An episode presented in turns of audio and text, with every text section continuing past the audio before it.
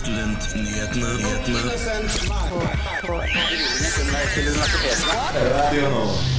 Hei og velkommen til Studentnyhetene på denne utrolig vakre, flotte fredagen. Jeg heter Selma Bull, og det er jeg som skal lede dere gjennom den neste timen her på Radio Nova. Men jeg skal jo ikke gjøre det alene. Jeg har med meg Vemund. Hallo. Hallo, hallo. Velkommen skal du være. Jo, tusen takk. Vi skal i dag snakke om at Velferdstinget skal behandle et forslag om å øke semesteravgiften, så vi skal gå gjennom detaljene på eh, det. Ja, og eh, ukens emneknagg er nytt opptakssystem, og vi får høre et utdrag fra onsdagens sending, hvor Ada Helen hadde besøk av Marianne Aasen, som ledet opptaksutvalget, og Jørgen Valseth, fag- og læringsmiljøpolitisk ansvarlig i Norsk studentorganisasjon. For ett år siden var det ingen utdanningsinstitusjoner som tilbød eh, ukrainsk som fag i Norge, men nå har det blitt mer populært enn russisk på UiO. Og på mandag er det samenes nasjonaldag, og vi har hatt besøk av Inga Kare Marja for å fortelle litt om dagen og hvordan det er å være ung og samisk i Oslo. Vi må innom det aller helligste temaet blant studenter. Det er jo studiestøtte. Studiestøtte. Har du ikke hørt det? Det aller helligste temaet blant studenter. Studentnyhetene hver fredag fra 11 til 12 på Radio Nova.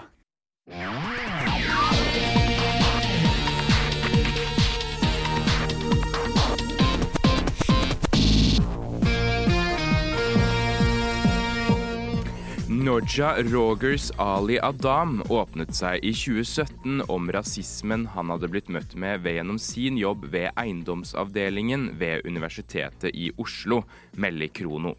Likestillings- og diskrimineringsombudet var tydelige på at universitetet ikke holdt seg innenfor rammene av loven. Ali Adam opplevde følgende rasistiske bemerkninger.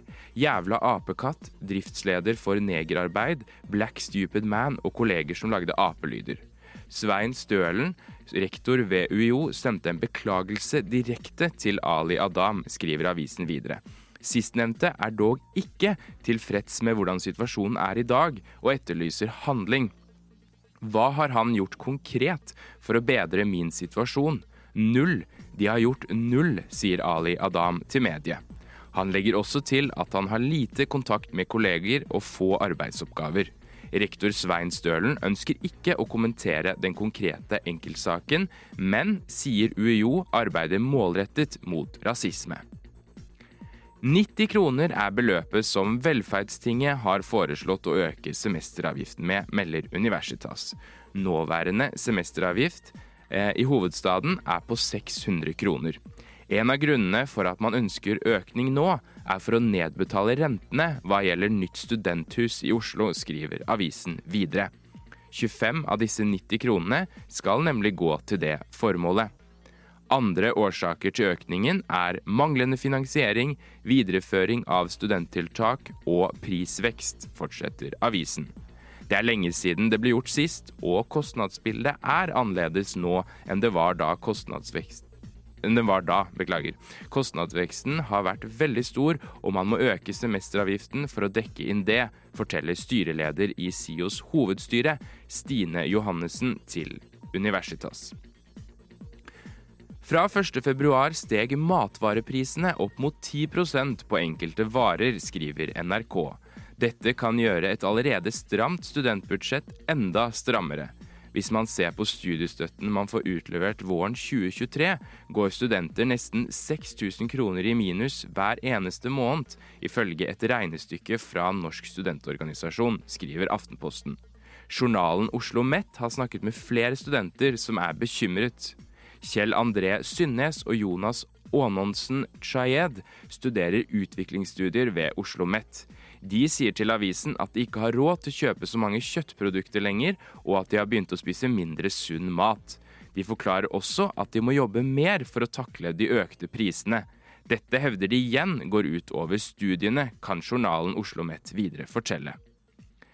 Disiplinfaget i nordisk og nordisk språk og litteratur ved UiO blir valgt av stadig færre studenter, kan forskning.no melde. Ved Universitetet i Oslo er det kun 26 av 62 plasser som er fylt opp.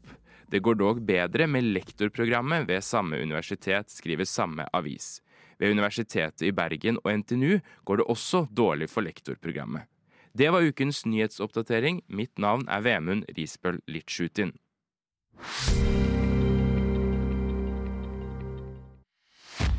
Samordna opptak. Det handler om rettssikkerheten eh, til norske studenter. Akademia Strid, Oslo OsloMet Universitetet i Oslo, Jeg studerer Studentnyhetene. hver fredag fra 11 til 12. Du hører altså fremdeles på Studentnyhetene, og som Vemund nevnte i nyhetsoppdateringen, så skal det altså behandles om semesteravgiften skal økes for første gang siden 2016. Eh, da ble den økt fra 550 til dagens 600 kroner, og nå er det tre forslag som foreligger. Det første er at det skal økes fra 600 til 690 kroner. Det er et flertall av Velferdstingets arbeidsutvalg som stiller seg bak dette forslaget. Forslag nummer to er at det skal økes til 665 kroner.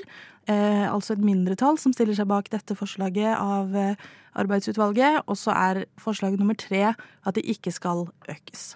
Det er SIO som har bedt Velferdstinget om å behandle forslaget om økning. Og begrunnelsen for forslaget er bl.a. blant annet økte priser i samfunnet, og at det er flere år siden den eh, økte sist.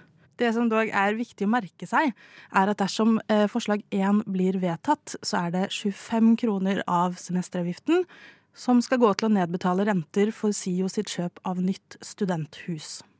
For de som ikke har fått det med seg, så er det for snart to år siden, altså i 2021, så kjøpte SIO et bygg i St. Olavs gate 23. Eh, og etter planen så skal dette bygget bli et flunkende nytt studenthus. Men veien til ferdigstillelse er lang, fordi det må gjøres veldig mye med bygget før de kan eh, ønske studentene velkommen. Målet er da et bygg med barer, kafeer, lesesaler og foreningsrom, for å nevne noe. Og SIO måtte betale 290 millioner kroner for dette bygget, men de hadde ikke noe klar plan for finansiering av videre oppussing etter kjøpet. Eh, men de så for seg at både kommunen og staten skulle stå for renoveringen, eh, mens SIO sto for driften. Til nå har de fått fem millioner kroner av Oslo kommune, men de har ikke fått noen ting av staten, som gjør det vanskelig å fortsette prosjektet. Vi kunne denne uken lese i Universitas at prosjektet er utsatt på ubestemt tid fordi at de ikke har noen finansiering til å fortsette byggingen.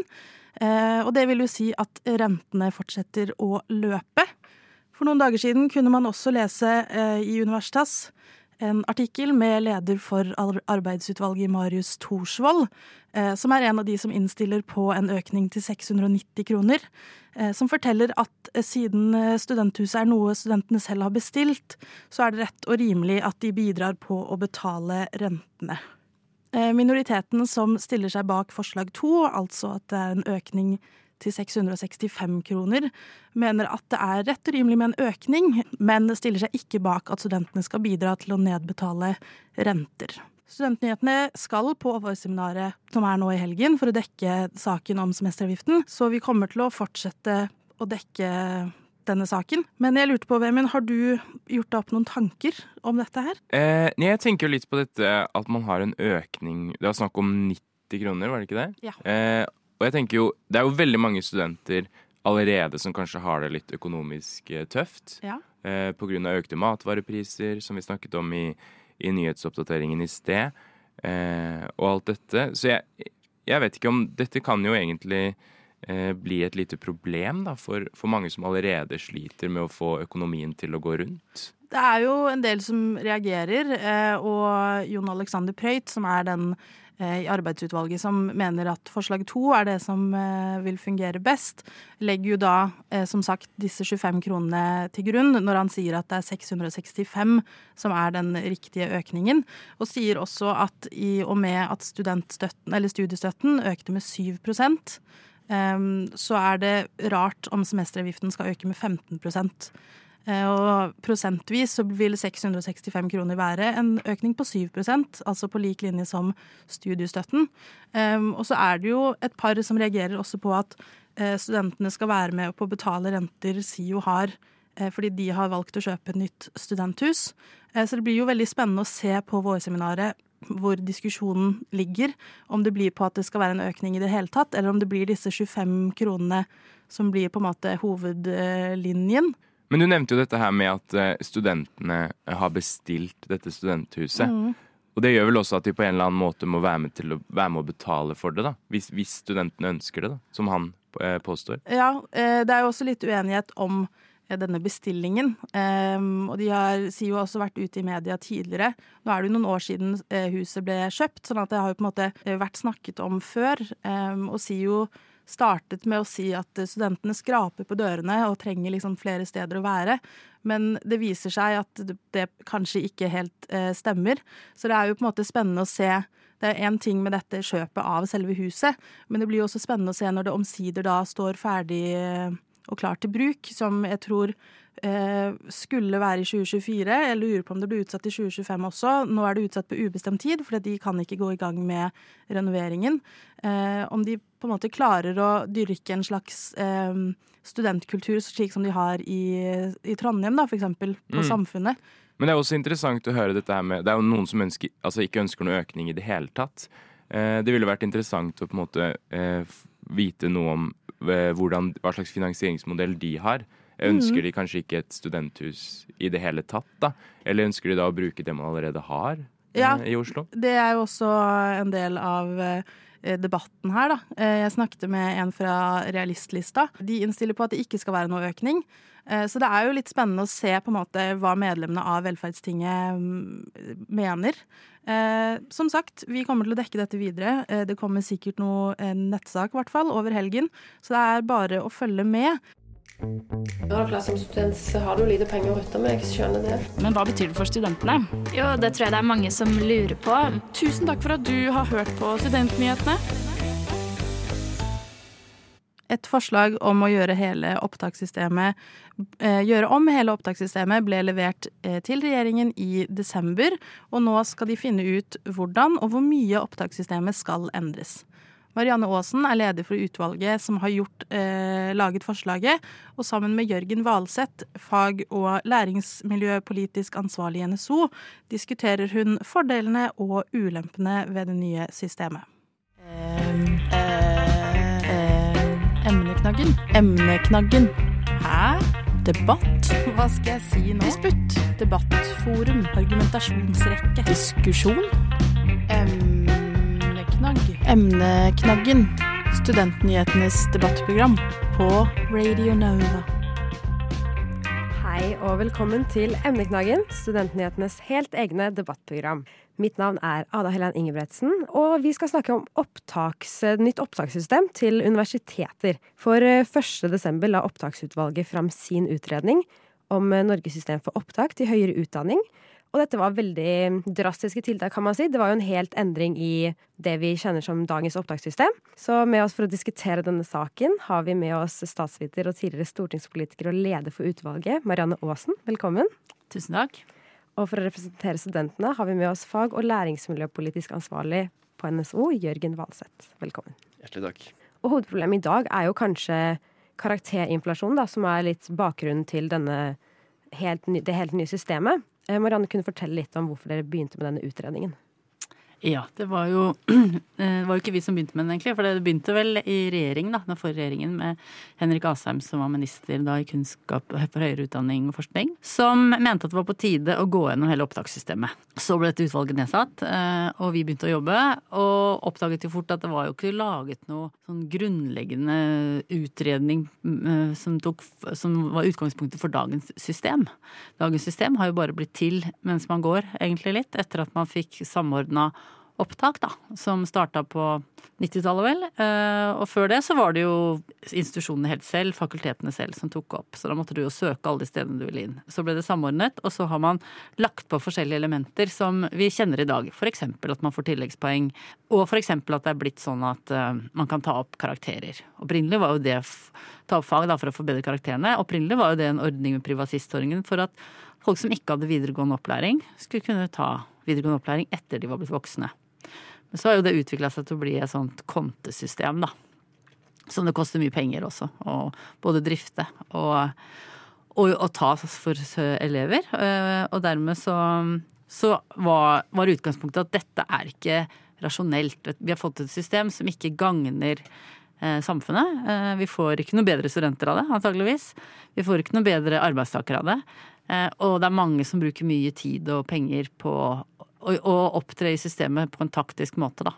Den første store endringen er jo at det endres fra førstegangsvitnemål og ordinær kvote til to kvoter. Der den ene er vitnemål fra videregående, og, den andre, og andre fagmenn har tatt opp etter det. Og den andre, andre kvoten er opptaksprøve. Og opptaksprøven er jo litt omdiskutert, og dere i NSO har jo sagt at dere er litt skeptiske til den. Jørgen, kan du utdype litt? Mm. Ja, absolutt. Eh, vi er jo litt redde for å se kanskje sånn man har sett i Sverige f.eks., der de har høyskoleprøvet, eller i USA der de har SATs, om at det kommer til å oppstå et marked, da, litt sånn som egentlig privatistmarkedet er i dag, der noen har råd til å kjøpe seg inn til opptaksprøveforberedelser da, og betale dyre dommer for det. Eh, så vi vi ser på det med bekymring at det er noen få som skal kunne gjøre det bra på disse opptaksprøvene. og at andre som kanskje ikke har gjort det så bra på videregående og vil søke den nye sjansen, ikke får den muligheten. Så, og I tillegg så vil det da, vi tror også det vil gagne én spesifikk type kunnskap og den kunnskap, egenskapen til å pugge på en måte til, til større prøver. da. Eh, så jeg er nok eh, litt skeptisk til at det kanskje slår ut litt feil. Mm. Hva slags prøve er det dere kunne ønsket dere å ha? I stedet? Nei, det viktigste for oss er at man ivaretar muligheten til å få en ny sjanse dersom man ikke kommer inn eh, eller har de beste karakterene fra videregående. Og så foreslår vi en mer helhetlig vurdering av studentene. Vi vet også at utvalget har sett på dette, litt sånn som de har i Danmark f.eks., der man har karakterene i bunn, og så kan man bygge oppå der med f.eks. å se på erfaring, eller se på motivasjon eller egnethet, eh, eller andre relevante kompetanse for det studiet du skal inn i. da.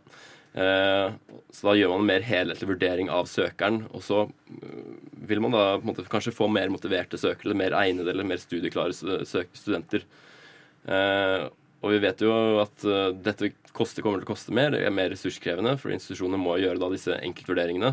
Så da må man åpenbart sette noen, kanskje noen minstekrav da, for hvem som får komme inn og ta denne type vurderinger. Men vi tror dette vil gi mer motiverte studenter, da, som igjen kan føre til mindre frafall, f.eks. Vi vet jo at frafall høyre, fra høyere utdanning er et stort samfunnsøkonomisk problem.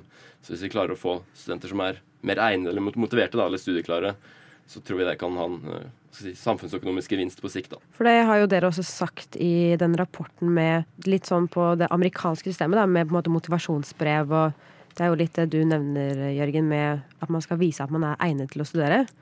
Og det har jo dere gått litt fra. Hvorfor har dere gjort det?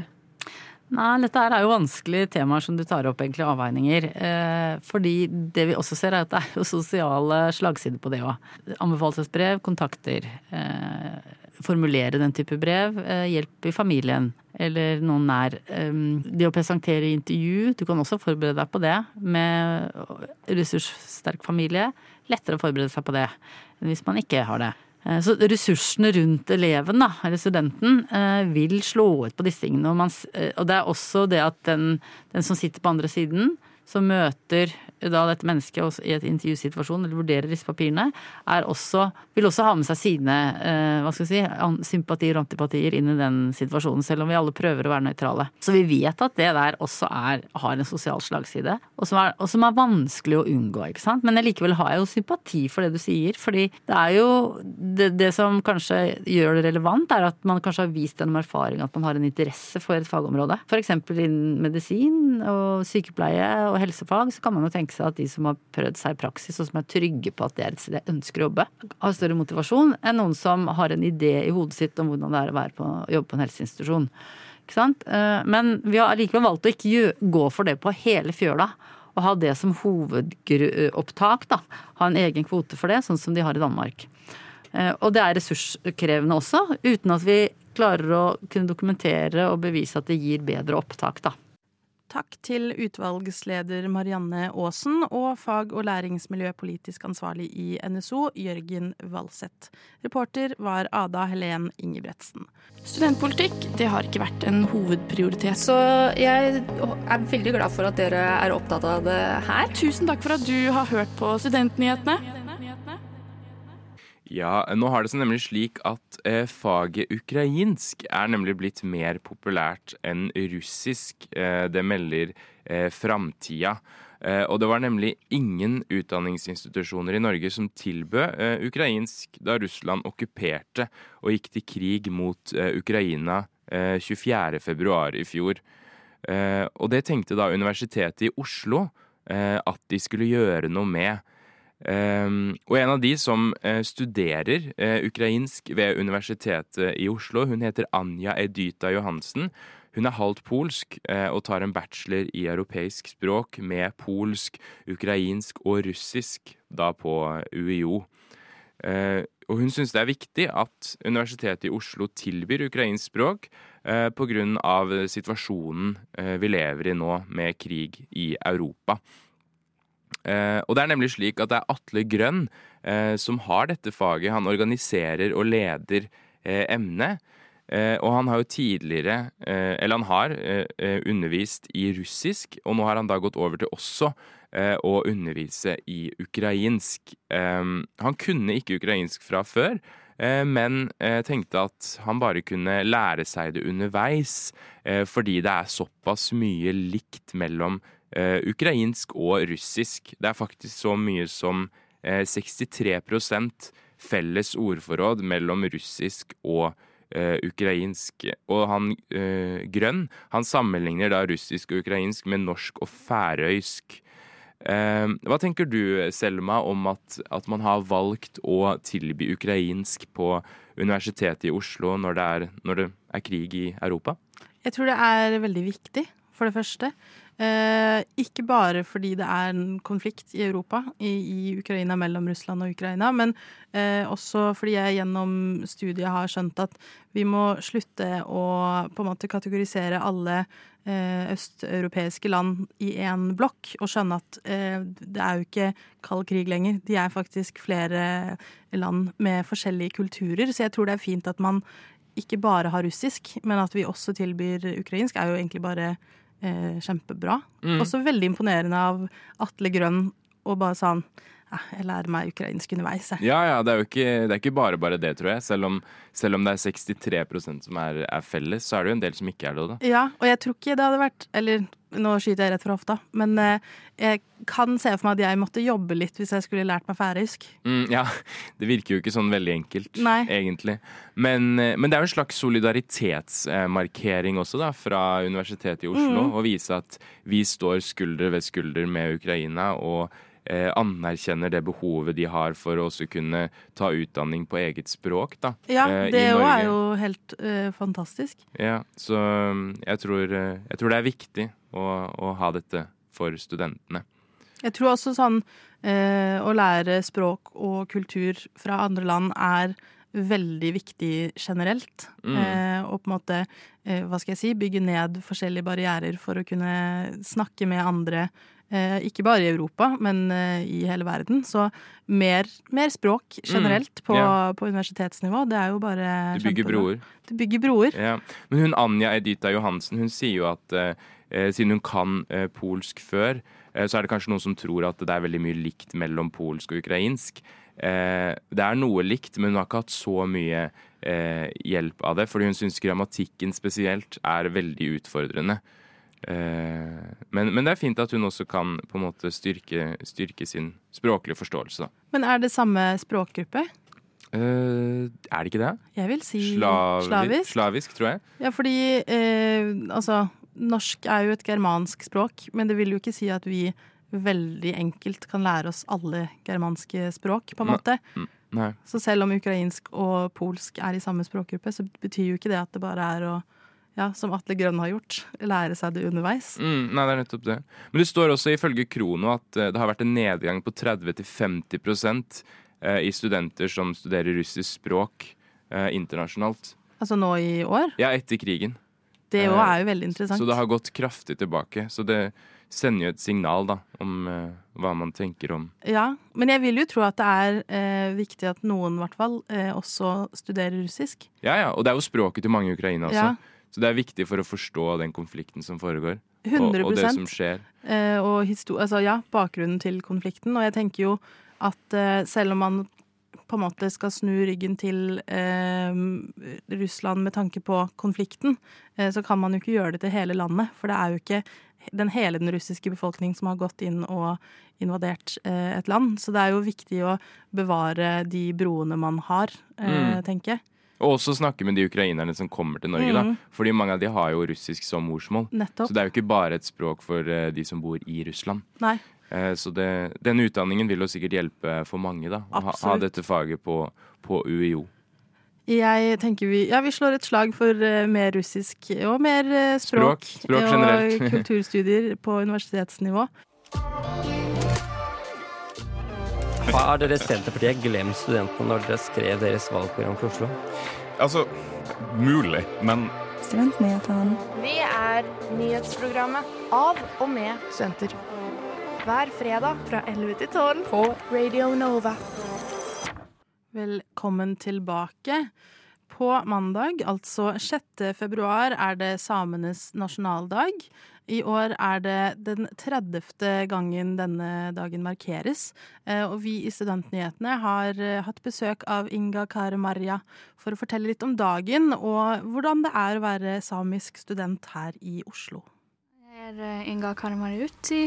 Jeg er nestleder i eh, den samiske studentforeningen, eh, Samien student Oslo Visnia. Eh, Og jeg er da også med på Sorgenfri fri på Radio Nova. Og hvor, eh, hvor kommer du fra? Jeg er fra Kautokeino og Karasjok. Hvordan har det vært å eh, flytte til Oslo fra Kautokeino? Ja, det har jo vært en eh, stor forandring. Altså, i Karasjok, der jeg nå har bodd sist, der er jo majoriteten av befolkninga samisk, og majoriteten snakker også samisk. Så det var jo en omvending å komme til eh, den norske verden, holdt jeg på å si. Eh, Har du oppsøkt et samisk miljø her i Oslo? Det er ikke akkurat sånn at jeg oppsøkte det, men jeg fant det jo, og de fant meg. Det blir jo gjerne sånn eh, når man ikke Vi er jo ikke så mange samer i Norge generelt, og i hvert fall ikke i Oslo. Eller jo, vi er en god, god slump her òg, men Men da blir det jo sånn at man blir obs på at oi, nå er det flytta en ny same, og skal ikke vi invitere henne med på ting? Og ja, så er man plutselig en del av, del av gjengen. Eh, nå er det jo samenes nasjonaldag på mandag, 6. februar. Kan du ikke fortelle litt om eh, bakgrunnen til eh, dagen? Ja, bakgrunnen til dagen det er jo datoen 6. februar. Den er jo valgt eh, som en markering for at samenes første landsmøte ble holdt da 6. februar 1916, om jeg ikke husker helt feil. Og bakgrunnen er jo at eh, vi skulle ha en dag å feire oss sjøl, og ikke minst eh, synliggjøre det samiske og, og alt det. Og feiringa ble jo valgt, eller at datoen og at det nå skulle altså etablert eh, i 1993. Så det er faktisk 30 år siden eh, samenes nasjonaldag ble feira for første gang i år. Skjer det noe ekstra pga. det, eller? Mm, det gjør jo ikke det, for eh, det er egentlig først de siste årene at det samenes nasjonaldag er blitt en stor greie eh, som man faktisk kan sammenligne med 17. mai. Men det har jo, det har jo stått bak mye jobb, og nå begynner vi endelig å komme i mål, så kanskje det er 40-årsjubileum, så da blir det litt mer ståhei. Altså, Hva slags forhold har du til denne dagen, sånn i oppveksten og sånn? Har det vært feiring? Mm, altså Jeg er jo født i 2000, så jeg er jo eh, en del av den første generasjonen som er vokst opp med samenes nasjonaldag. Og da var det jo veldig sånn at det fokuset at det var barnas dag. At det var barna som skulle få det implementert, at det, er samenes nasjonaldag, og vi er veldig stolte av det. Og, eh, så det har jo vært en stor del av barndommen min, og jeg er veldig glad for at vi nå har, oss har gått litt videre fra at det bare er barnas dag, men også at det er en dag for eh, alle aldre. Hvordan pleier du å feire nå, som du er liksom ung og student og Ja, I fjor så var jo eh, 6. februar det er jo ikke en, eh, ikke en rød dag, så vi har jo ikke fri fra noe. Eh, Så i fjor, da 6. februar falt på en søndag, så slo vi jo til med champagnefrokost og tok det liksom helt ut med feiringa. Eh, Men i år, når det nå er på en mandag, så blir det litt roligere feiring uten, uten champagnefrokost. Hvis en eh, student som ikke er samisk, har lyst til å være med og feire, hvordan eh, kan man gjøre det?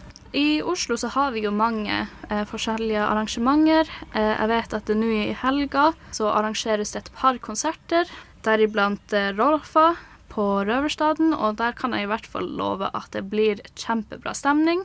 Eh, og om man da heller vil eh, være med på feiringa på mandag, så har vi også en samisk baraften på leiligheten på Er det Rockefeller det er? Det er også åpent for alle. Har, eh, har du f.eks. et ønske om at det skal bli en større dag? At det f.eks. blir en rød dag, sånn at måte, hele befolkningen er med å feire? Ja, det hadde jo vært eh, drømmen, men jeg vet ikke helt hvor realistisk det er. Men eh, jeg tenker at eh, i de kjerneområdene så er jo dagen dekka, fordi skolene de legger til et eh, program til 6. februar, at eh, barna faktisk får være med på å feire det. Men det er jo verre med oss som ikke lenger bor i de samiske kjerneområdene, eller som ikke har oppvokst i de samiske kjerneområdene, og ikke får være med på feiringa. Eh, så det er jo et stort håp at eh, vi kan komme til en løsning. Har du møtt andre studenter med samisk bakgrunn som ikke har på en måte vokst opp i, som du sier, de samiske kjerneområdene? Som finner på en måte sine litt tilbake til sine røtter? Ja, det er jo nesten sånn at jeg tør å påstå at jeg tror det er det som er mest vanlig nå for tida. Eh, For i Kautokeino Karasjok, som jo da er de kjerneområdene, det er liksom samenes hovedstad nesten. Der er vi jo bare 3000-4000 i hver bygd. Så når vi da har eh, 30 000 i Norge som har eh, nordsamisk som morsmål, og akkurat tallet hvor mange samer vi er sånn generelt, det har jeg ikke. Eh, Så da blir det jo naturlig at det er flere som eh, ikke er oppvokst i de samiske kjerneområdene, og da heller vil eh, ta tilbake den kulturarven i voksen alder, og da finner studentforeninger som våre eller andre samiske organisasjoner. Syns du det er nok fokus på samisk historie og kultur i den norske skolen? Nei, det er det ikke. Det, det kan jeg si med et punktum. Vi hører jo veldig ofte at eller jeg har hørt fra veldig mange nordmenn at det de har lært på skolen, er jo at samer driver med rein og bor i lavvo. Og det gjorde vi vel eh, noen av oss for 100 år siden, men det begynner å bli en stund siden at det, som, at det var det som var normen. Uh, og det er jo ikke sånn at de, altså for de fleste samer driver jo ikke med rein. Og jeg tror ikke det er noen som bor i lavvo nå. kommer du jo en film som heter La elva leve. Kan man på en måte tolke det som en litt steg i riktig retning? Ja, det som er så interessant med La elva leve, eller Eloceno, er at det er en så stor kapittel av den norske historien og en enda større kapittel av den samiske historien. Og det at den nå faktisk blir filmatisert og viser fram at det, hva den kampen førte til, altså opprettelsen av samiske rettigheter, det er veldig fint. Um, men nå er det jo også verdt å nevne, for jeg har jo sett på filmen, og veldig mye av eh, filmen det føltes så kjent ut. Det føltes som en sanntidshistorie. Eh, Så jeg håper at filmen også er med på eh, at den også synliggjør i eh, den problematikken som vi fortsatt har i dag, med bl.a. arealinngrep. Tusen takk til Inga Karamaria, eh, og vi vil gjerne ønske alle Lihku Beivin på forskudd, og håper alle som skal feire på mandag får en eh, flott markering. Vi må innom det aller helligste temaet blant studenter. Det er jo studiestøtte. Studiestøtte. Har du ikke hørt det? Det aller helligste temaet blant studenter. Studentnyhetene hver fredag fra 11 til 12 på Radio Nova. Nå nærmer det seg dessverre slutten på studentnyhetene. Eh, Men som jeg alltid sier, selv om det er en utrolig trist eh, ting, så er det også litt fint, for det betyr jo at det er helg. Hva skal du i helgen, Vemund? Eh, I dag så skal jeg faktisk på en skitur. Komme meg ut i eh. Det har kommet en del snø, så det er deilig å komme seg ut i marka og gå litt på ski. Eh, så det blir bra. Bevege seg litt. Eh, og i morgen så er det jo Melodi Grand Prix, så det gleder jeg meg veldig til. Så da blir det Grand Prix-fest i, i heimen. Så, så det blir gøy. Nå har jeg to spørsmål. Ja. Nummer én, hvor går du på ski? Eh, Jeg skal til Asker og Til gå på ski. Til hjembygden. Til hjembyen, ja. Bygden? Ja, ja bygda. Bygda, Bygden, Ja. bygda. Jeg vet ikke hva man sier. Eh, spørsmål nummer to. Ja. Hvem heier du på i MGP? Jeg heier på Ulrikke, da. Ulrikke Brandstorp. Den store favoritten.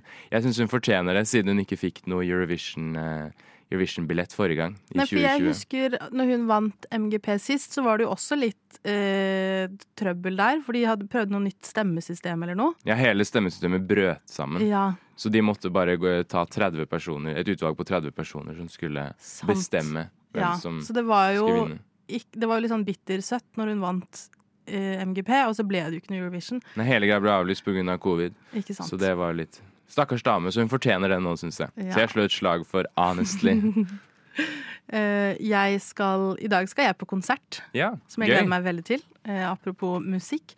Jeg skal på Arif-konsert Uh. med min søster. Shout-out Philippa. Blir det en bedre fredag enn det? Nei, jeg tror nesten ikke det. Nei.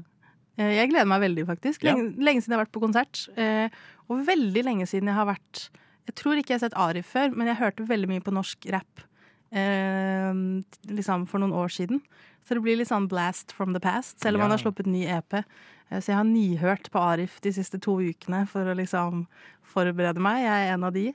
Det blir god stemning. Det blir god stemning. I morgen skal jeg på jobb som vanlig. På ostebutikken. På ostebutikken. Det vet alle nå. Alle vet det. Jeg tror ikke det har vært en fredag hvor jeg ikke sier det, faktisk. Nei. Litt trist å tenke på at jeg jobber hver eneste lørdag. Vil du anbefale folk å komme innom eh, ostebutikken din? Eller blir det reklame, kanskje? Jeg tror ikke jeg kan reklamere for ostebutikken min. Nei. Um, men eh, jeg vil jo anbefale folk å Spise ost. spise ost. Det er lov å reklamere for. Det er sant. Eh, men det kan godt hende jeg kommer til å se litt på MGP-finalen, jeg òg. Du må få med deg det. Ja. Hvem heier du på, da? Har du hørt sangene? Jeg har hørt litt. Ehm, jeg tror jeg heier på eh, Skrellex. Ja? Litt fordi jeg er sånn Det hadde vært kult med en liksom, ordentlig drag queen. Og jeg Ja. syns Skrellex er kul, liksom. Det er jo en veldig sånn typisk MGP-sang. Det er det. Og jeg er også Altså, jeg er ikke så bevandret i MGP-verden, men jeg er litt sånn Hvis man først skal, så kan Gå man jo in. gå all in.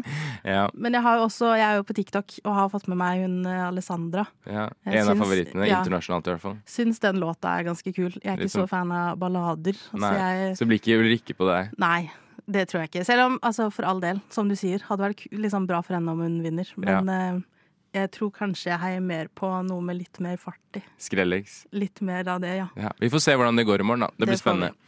Eh, takk for at dere hørte på Studentnyhetene i dag. Eh, Du kan jo selvfølgelig høre dette en gang til hvis du vil det, eller sende det til en venn. Eh, det er bare å søke på Studentnyhetene på Spotify. Du kan også gjøre det på Instagram eh, og følge oss der hvis du vil det. Hvis det er noe dere som hører på eh, Hvis det er noe dere mener vi burde dekke, så kan du sende oss en DM. Slide inn i DM-en vår, eh, som Sigrun alltid sier. Eller sende oss en e-post på studentnyhetene at radionova.no. Mitt navn er fremdeles Selma Bull. Jeg har hatt med meg Vemund. Ha det bra og god helg. Alle gjerne trenger mer podkast. Du har hørt på Studentnyhetene i dag? Jeg hoppa litt i taket. Jeg var veldig overraska. Jeg hadde ikke forventa å ende opp eh, her, egentlig. Å, hyggelig. Jeg føler bare med å sette høye krav og kjempe for dem, da. eh, Og si at det her er ikke godt nok. Eh, Men tusen takk for at du har hørt på Studentnyhetene i dag. Jeg hadde ikke gjort det. Gjort det. Gjort det.